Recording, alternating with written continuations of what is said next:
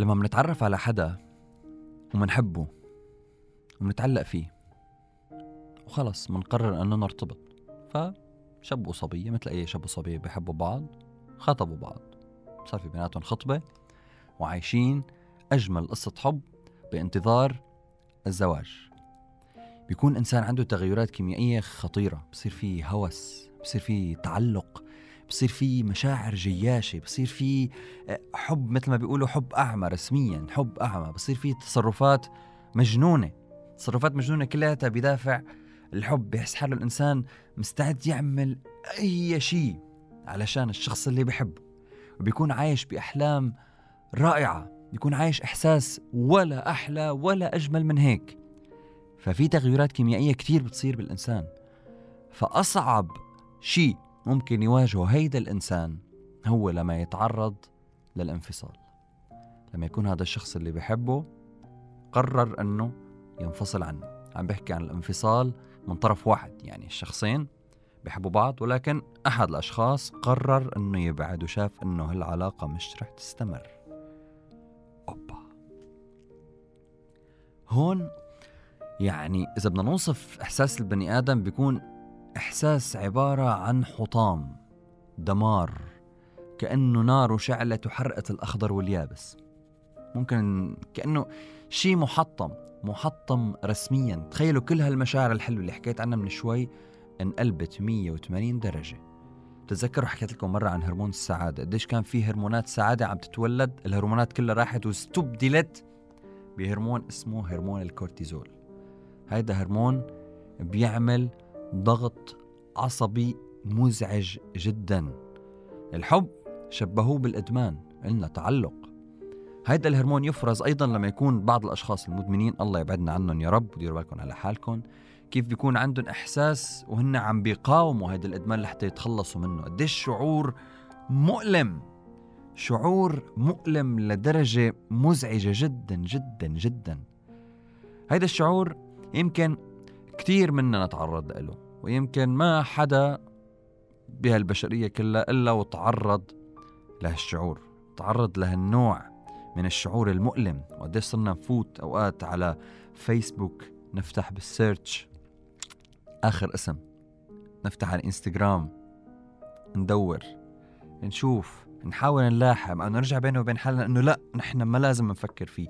بس معلش نرجع نرجع وندور. نرجع ونوجه حالنا. نرجع وننقهر شعور كتير صعب. شعور ما حدا بيتمناه ولكن صارت ناس تسأل شو الحل؟ طب شو الحل؟ أنا كيف فيني أنسى؟ في ناس بتقلك خلص حاول حاول امحي الذاكرة. انسى كل شيء هذا صعب كتير. في ناس بتقلك لازم تحب مرة تانية مشان تنسى. الحب بنسي حب. ممكن. ممكن جدا. بس شو الطريقة المثالية؟ الطريقة المثالية. الطريقة المثالية الواحد يفكر فيها إنه الحب موجود. هي أول شغلة لازم يفكر فيها. ليش؟ لأنه أنا عم حس بمشاعر حلوة. يعني في كتير ناس بتقول الحب مش موجود ما في حب. هيدا الشخص اللي تركني تركني مع إنه أنا كثير كنت حبه فما في حب بهالدنيا. غلط. أول قاعدة لازم الواحد يفكر فيها ويفهمها إنه لا الحب موجود. لأنه أنا حبيت من قلبي. بس هيدا الشخص مش هو المناسب. مش هو الشخص اللي أنا كنت لازم أحبه.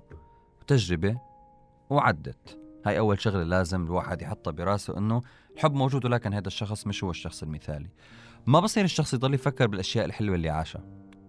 تركيزنا على الأشياء السلبية فقط بهيدا الشخص رح يعطينا راحة نفسية كتير حلوة ورح يعطينا مجال تموفون إنه خلص نحن نعدي هاي المرحلة. لأنه ما في إلها حل. يعني جد يا ريت لو في إلها حل سحري إنه خلص أنا أشرب شرب الدواء. انسى كل شيء. تخيلوا ما أحلاها بس هالشيء مش موجود. عملوا تجربة واحدة بس بالزمانات بإسبانيا.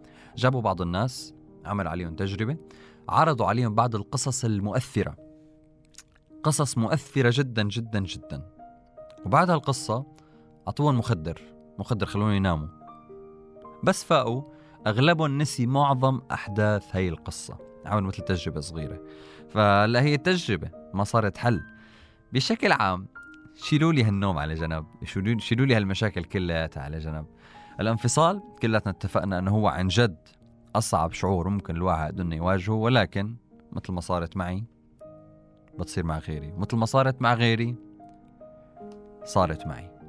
بالنهاية نحن معرضين لها ولكن المش مسموح إنه نقبل هالشي يضعفنا كتير لأنه نحن قابلين إنه نضعف وقابلين إنه ننكسر لو ما نحن قومنا حالنا. نحن مش بحاجة أي حدا إنه يقومنا إنه يقوينا لأنه نحن بنعرف الصح بس أوقات بيكون في غشاوة على عيوننا. حبه كتير والحب موجود ولكن لازم نعرف كيف نحافظ عليه مع الشخص المناسب بس هو ما في غير شخص واحد رح يكون مناسب. إذا أجى شخص ثاني ما مشي الحال معناتها هالشخص غير مناسب. قولا واحدا. بحبكم كتير على سيرة الحب. حلقة جديدة كانت معكم من بودكاست حلو. معي أنا خالد غنايم على العربية 99